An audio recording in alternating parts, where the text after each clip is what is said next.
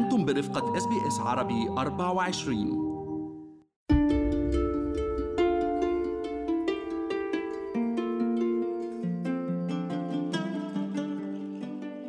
إذا عندي رأي ما حدا كان بده يسمعه. إذا عندي أفكار ما حدا كان بده يعرفهم. إذا أنا زعلانة ما حدا كان بده يسمع. أليسار غزال ممثلة ومخرجة وناشطة لبنانية أسترالية تحدت العادات والتقاليد اللي شعرت ومنذ الطفولة بأنها سلبتها حريتها وكيانها كامرأة وهي عم تكبر في منزل العائلة يا عمي إذا وقفت بدي روح على الحمام لوين رايحة؟ معقولة يعني؟ لوين رايحة؟ يا عمي على الحمام رايحة معكم مرام إسماعيل من بودكاست الهوية الموسم الثاني واليوم رح تشاركنا أليسار بالأسباب اللي دفعتها كفتاة عربية تعيش في كنف عائلتها من انتظار الفرصة الأولى لتترك منزلهم وتتحدى العادات والتقاليد العربية اللي بتقيد الفتيات وبتتحكم برغباتهم وطموحهم منذ الصغر. أنت البنت الوحيدة آه، ما في غيرك وأنت بدك تساعدي أمك. آه، والصبيان فيهم يروحوا يعملوا اللي بدهم إياه يركضوا يفلوا ويطلعوا ويجوا. بس انت بيضلك حد أمك لتساعديها بتنظيف البيت وكذا.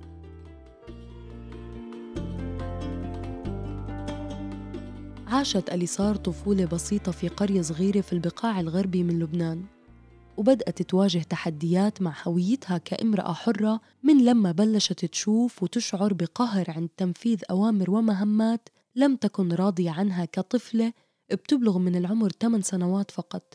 والأهم إنه هاي الأوامر كانت تفرض عليها فقط ومش على إخوانها الصبيان.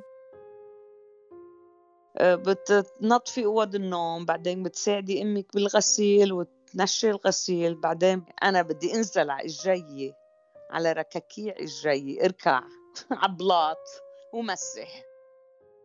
squeeze the mop with your hand. يعني قد إيه الواحد بده يكون قوي بس يكون عمره 8 سنين. قد إيه بدك ت you know squeeze so hard لحتى تنشف الممسح لتقدري تعملي الوجه الثاني ولو ما سمعت الكلام وعملت المطلوب منها كان العقاب حاضر. آه كنت كلها قتلة of course. إنه أهلنا أنا من هالجيل ربيت ببيت آه، إذا ما عجبهم أهلي اللي عم بيقولوا أو اللي عم بعمله بتكلي كف. ومرق كم سنة على نفس الحال ومهماتها في المنزل بلشت تزيد وتصعب. ولما بلغت صار في قيود من نوع آخر على اللبس وعلى الطريقة اللي كانت تجلس فيها في المنزل أو خارجه. أنا كنت شيطاني صار بده ياني أقعد عقلي. إذا قاعدة ومفرشخه لأنه أنا ما بحب ألبس طنانير بس ال... كنت ألبس بس الجينز إيه، ضبي إجريك على بعض. امي ما بدها يعني ألبس إلا فساتين السنة اللي أتمت فيها اليسار 13 كانت من أهم السنين في حياتها. العيشة لم تعد تطاق في لبنان. بين الحرب وقلة الشغل والمصاري والدها قرر الهجرة إلى أستراليا بحثا عن مستقبل أفضل للعائلة. وقت ما خلي بلبنان سنة 1921 بس قرروا إنه بدهم يعملوا وطن لبناني وفي مشاكل. أبوي راح على الحبس إجا ما في يمشي قد ما عم بعذبوه. وناس مثله متايل إنه ما فيكي ما فيكي بلبنان كنتي ترفعي راسك ما في مستقبل. مش بعجبك فل. وصلت العائلة إلى مطار سيدني الدولي في شهر آذار مارس سنة 1973 من ربيع بارد في لبنان إلى خريف أستراليا الدافئ. كان نهار مشمس وحر ووقتها ما كان في جايتس بدك تنزلي على درج بس أنا نزلت وشفت أنا you know عيني بيقولوا تبرزقوا عيني تفتحوا بطريقة I've never experienced in my life before. الزراق السما كان غريب من نوعه. the horizon غريب من نوعه. والوجاه حوالي كانت بالطيارة برات الطيارة.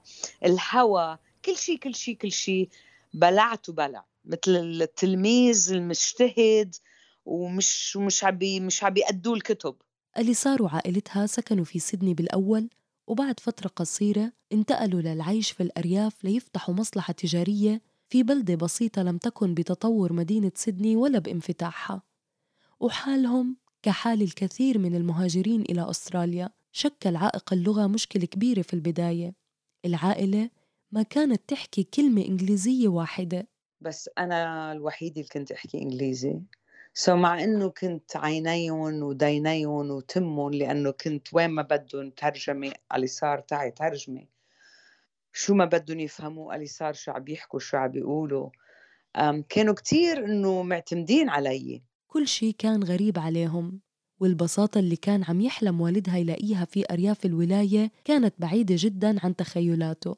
وهذا الشيء أثار قلقه وأثار جانب جديد من شخصيته ما كانت تعرفه اللي صار نحن شرقية وعنا عوايد شرقية. وأصحى تخمني إنه انت هون رح تصيري ما فهمت علي أول مرة بس قالها هاي شو عم تحكي هاي؟ أول مرة بتقلي نحن حي إنه بعرف إنه أنا نحن منين جايين إنه يعني I'm not stupid. بتبيي بلش يغار بلش يخاف علي بلش لأنه شاف بعيني كيف الشباب والبنات بيعاملوا بعضهم بالشوارع. شاف إنه شباب وبنات فيهم يوقفوا؟ بنص الشارع ويبوسوا بعضهم ما حدا بيستحي.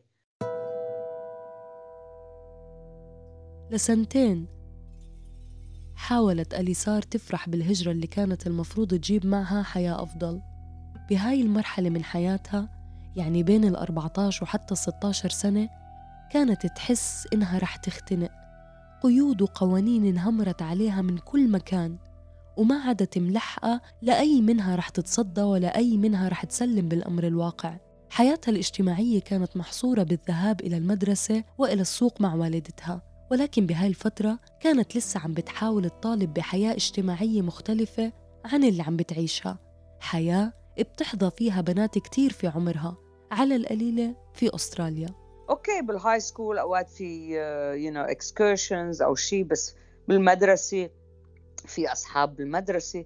بس إنه على ال weekend إنه أنا روح شوف أصحابي لا. ال weekend كان بالبيت. okay بعد المدرسة بالبيت. آه، أوقات تساعد أهلي بالشغل على ال weekend. ترجيهم على مدة جمعة جمعتين لخلينا نروح على السينما. بس الشباب آه رح رايحين على السينما. إيه يلا bye. بدكم مصاري. بعد ال 16 سنة صار في تحول كبير في حياة أليسار. تعلمت السواقة وهو الشيء الأول والوحيد بهديك الفترة اللي ساعدها على استنشاق بعض من هواء الحرية اللي كانت عم تحلم تحسها وتشمها وتتذوقها. اليسار خذيني اليسار جيبيني أنا loved it لأنه وقت إيه اطلعي من البيت. لو بيي بده يروح على سيدني ناخذيه على سيدني. رجعي من سيدني. طلعي من هون. لأنه متى ما أنا بالبيت حتى إخواتي مع إنه أصغر مني جيبي لي كبايه مي اعملي لي ساندويشي. إذا رحنا تسوقنا أنا أحمل كل ال shopping. هني قاعدين عطيازهم يعني خلص. وأنا أزعل منهم إنه يعني ما شايفيني أنا أمي عم نحمل كل هالأغراض وفايتين على البيت. عدا عن التسوق والمشاوير اللي كانت تعملها أليسار للبيت كانت عندها هوايات بسيطة. إذا بدي أهرب بس مش physically يعني أنا وبالبيت. إذا بدي أهرب من عائلتي وضبهم عني كنت حط ال headphones على دينيي وحط records وأسمع موسيقى. إلا إذا حدا بده مني شيء. أه كنت طالع كثير كنت كثير حب القراية وبعدني بحب القراية وحب السينما. so في هالأشياء سينما موسيقى و وقراية بس كمان حب فوتوغرافي كنت حب كثير صور على الكاميرا. so هول الأشياء ما بعرف إذا أنا عملتها على قصد لأنه ما بدهم حدا حدك حواليك. إنه فيك تتسلي بهالأشياء بدون ما يكون حدا صاحبك صاحبتك حدا أصحابك حواليك وكل ما كبرت كبر معها واشتد وزاد الشعور بالغضب من تقييد حريتها وفكرها وطموحها وكل ما كانت تقرأ وتشوف مظاهرات النساء اللي عم بتطالب بحقوقها تتأكد إنها مش الوحيدة اللي عم تشعر بالظلم. عم بشوف بعيني شو عم بيصير بأول السبعينات بأستراليا. على التلفزيون كل يوم في مظاهرات. The Australian Feminist Movement كانت هابة وماشية وعم بقرأ بالجرايد عم بقرأ كتب عم بعرف إنه نسوان كل العالم ها الإمرأة بكل العالم عم بتطالب بحقوقها. ما حسيت لحالي إنه أنا لوحيدة عم بطالب بحقوق. بس كيف بدك تشرحي لأهلك؟ لأنه بيي يطلع أهلي يطلعوا. هاو شو بدهم هاو إيه يلا شوفون بالحبس بلا مربى. أليسار قررت إنها تبحث عن طريق مختلف عن اللي كانوا أهلها متوقعين إنها تمشي فيه. وكانت عم تبحث عن نفسها وطموحها في أماكن وهوايات تساعدها في رسم الصورة اللي كان نفسها تشوف حالها فيها يوما ما. تركت المدرسة year 11 وقررت إنه ما كنت مبسوطة بالدرس ما كنت مبسوطة بالحياة المدرسية لأنه كان كنت عم بغير إشي كنت عم شو بدي أعمل بهالحياة. كنت بدي أعمل فوتوغرافي كنت بدي أعمل acting كنت بدي أعمل كل هالأشياء. كل ما أطلع بفكرة إنه أنا بدي أعمل هيك هيك هيك بحياتي لا ما بدك تعملي هيك بحياتك القرار شو بدي أعمل بحياتي كان بإيدين أهلي. okay خلوني أتعلم photography for one year. بعدين شو؟ بدك تفتحي استوديو بدك تروحي تشتغلي photographer وين بدك تشتغلي photographer إنه it was a put down. إنه شو ما قررت بدي أعمل؟ it was a put down. ما كان في support. لو أنا يمكن كنت شاب وقلت لهم إنه أنا بدي أروح أتعلم فوتوغرافي إيه إيه إيه عسم اسم الله عليك. بس the moral support ما كان موجود. وهذا كتير مهم إذا الواحد عنده أحلام وأفكار وبده عنده طموح. بده حدا وراه يقول له yes of course please go ahead I think that's a good idea. ما كان هاي موجود. It was always a put on. شو ما عملت كان كنت كانوا يضحكوا علي. شو ما بدي أعمل كانوا يضحكوا علي. So تركت اشتغلت معهم بشغلهم تنقلت من من شغل لشغل ما عجبني. بعدين أه بس صار عمري 21 سنة. أه قررت إنه أنا لا عندي مستقبل برات البيت ولا عندي مستقبل بالبيت. كل شيء فيه طموح كل شيء فيه أحلام راحت. ما عادش في ما عادش في هالأحلام اللي كنت أنا فكرت فيها بس دخلت على أستراليا عمري 14 سنة. اختفت بالمرة. وصلت أليسار للسنة الفاصلة في حياتها بعد نضال مطول للحصول على الحرية والتوسل من أجل ملاحقة بعض من طموحاتها وأحلامها اللي كانت متاحة للجميع إلا إلها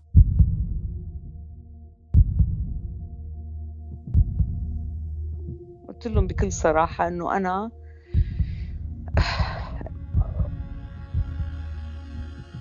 أنا تارك البيت ليش؟ ليش؟ حدا قاعد ببيت ما مش عم بدفع أجار سيارته قدامه مصاري بجيبتك أه تعملي اللي بدك إياه؟ قلت له لا ما بعمل اللي بدي إياه. yeah عندي مصاري بجيبتي لأنه عم بشتغل عندي سيارة قدام البيت. صح وشكرا كثير اشتريتوا لي second hand سيارة. أهلا وسهلا fine that's good بس هاي المصاري قاعدة بجيبتي بس ما فيني أروح أعمل اللي بدي إياه. ما فيني. إذا أنا قلت لكم أنا راح أقعد فيكم فيني أروح أقعد؟ لا. بدي أقعد حدا سنة وياكم عم مدة أسبوع. لحتى اشرح لكم مع مين ولوين وايمتى وامتى بدي ارجع وامتى بدي أروح وشو بدي البس وشو طب معقولي هيك؟ اخوته جنوا أوه طب شو بدي أقول عنا الناس؟ شو بدي يقولوا عنا الناس؟ قلت نحن عايشين لإلنا أما عايشين للناس؟ أنت هجرت من لبنان ومن قرافة الناس ومن قرافة سياستهم الشخصية والاجتماعية. ولحتى تهرب من الحكي الناس عم بحكي الناس لحتى تيجي لهون تقول لي شو بدنا نحكي عن الناس؟ شو بنقولوا عنا الناس؟ لشو جبنا لهون؟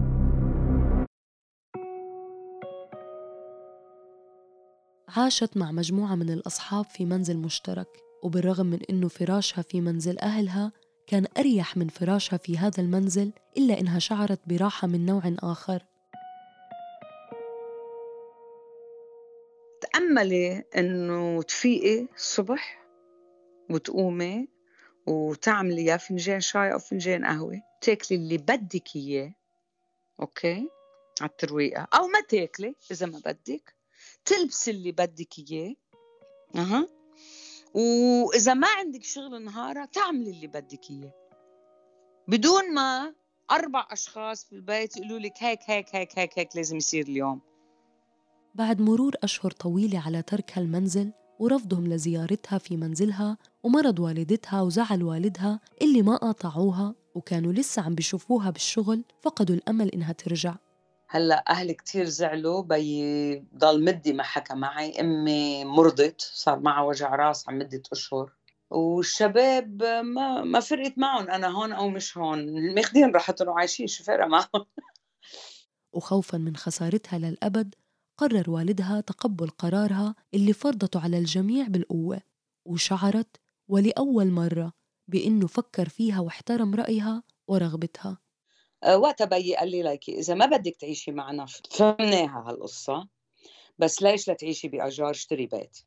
أه وقتها أنا استغليت الفرصة حسيت إنه إذا أنا اشتريت بيت بيي وقتها بحس إنه أنا عايشة ببيتي وهو وقتها بحس إنه بنتي ليك اشتريت بيت. so so, فهمت عليه شو هو معاوز لحتى يقبل الوضع. ومشيت معه بهالطريقة و... of course انبسط كثير بس من وقت لوقت يغزي على البيت. بدون ما يقول لي إنه جاية اليسار كانت عارفة إنه اللي عملته ما كان سهل عليهم ولا عليها ولكن كان ضروري. أنا بعتقد بعدني لحديت هلأ بحس إنه أهلي ما شجعوني أعمل شيء كبير بحياتي. أه شجعوا الشباب يعملوا شو ما بدهم. بس إلي ما شجعوني أعمل شيء لأنه حلمهم لإلي أنا كبنت كان صغير. حلمهم إنه أنا بتربى وبكون بنت آه، نظيفة وطيبة وحلوة وبكرة بيجي حدا بتجوزني وبصير مرت حدا وأم حدا. اليوم يمكن تقدر أليسار إنها تلاقي مبرر لجزء صغير من قسوة والديها عليها. القسوة اللي ما تمكنت لسنين طويلة إلا إنه تفسرها بكرهم إلها. لأنه ما حسيت إنه المعاملة كانت معاملة حب. هلأ بس بس بس طلع بهالوقت in retrospect of course حبوني of course كانوا يحبوني كانوا يغاروا علي كانوا يخافوا علي. ولكنها لم تجد مبرر مقنع للتفرقة في المعاملة اللي استخدمها أهلها ويستخدمها الأهل بين الذكر والأنثى. إذا البنت ما فيها تستقل بهالبلد وتعيش الحياة اللي بدها إياها معناتها هي يا ملك أبوها يا ملك أخواتها يا ملك جوزها. ونحن الله ما خلقنا لنصير عبيد. نحن الله خلقنا وعطانا هالبرين لنفكر لحتى نعرف نقرر وناخد ونعطي. وناخد قرارات بحياتنا. أوقات مش كل قرار مزبوط ولازم نعمل أغلاط لأنه نتعلم من أغلاطنا.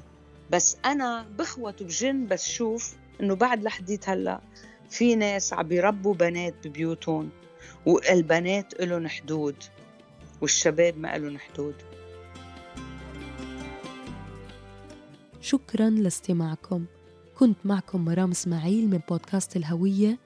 إذا عجبتكم الحلقة شاركوها مع أصحابكم واستنونا بحلقة جديدة الأسبوع المقبل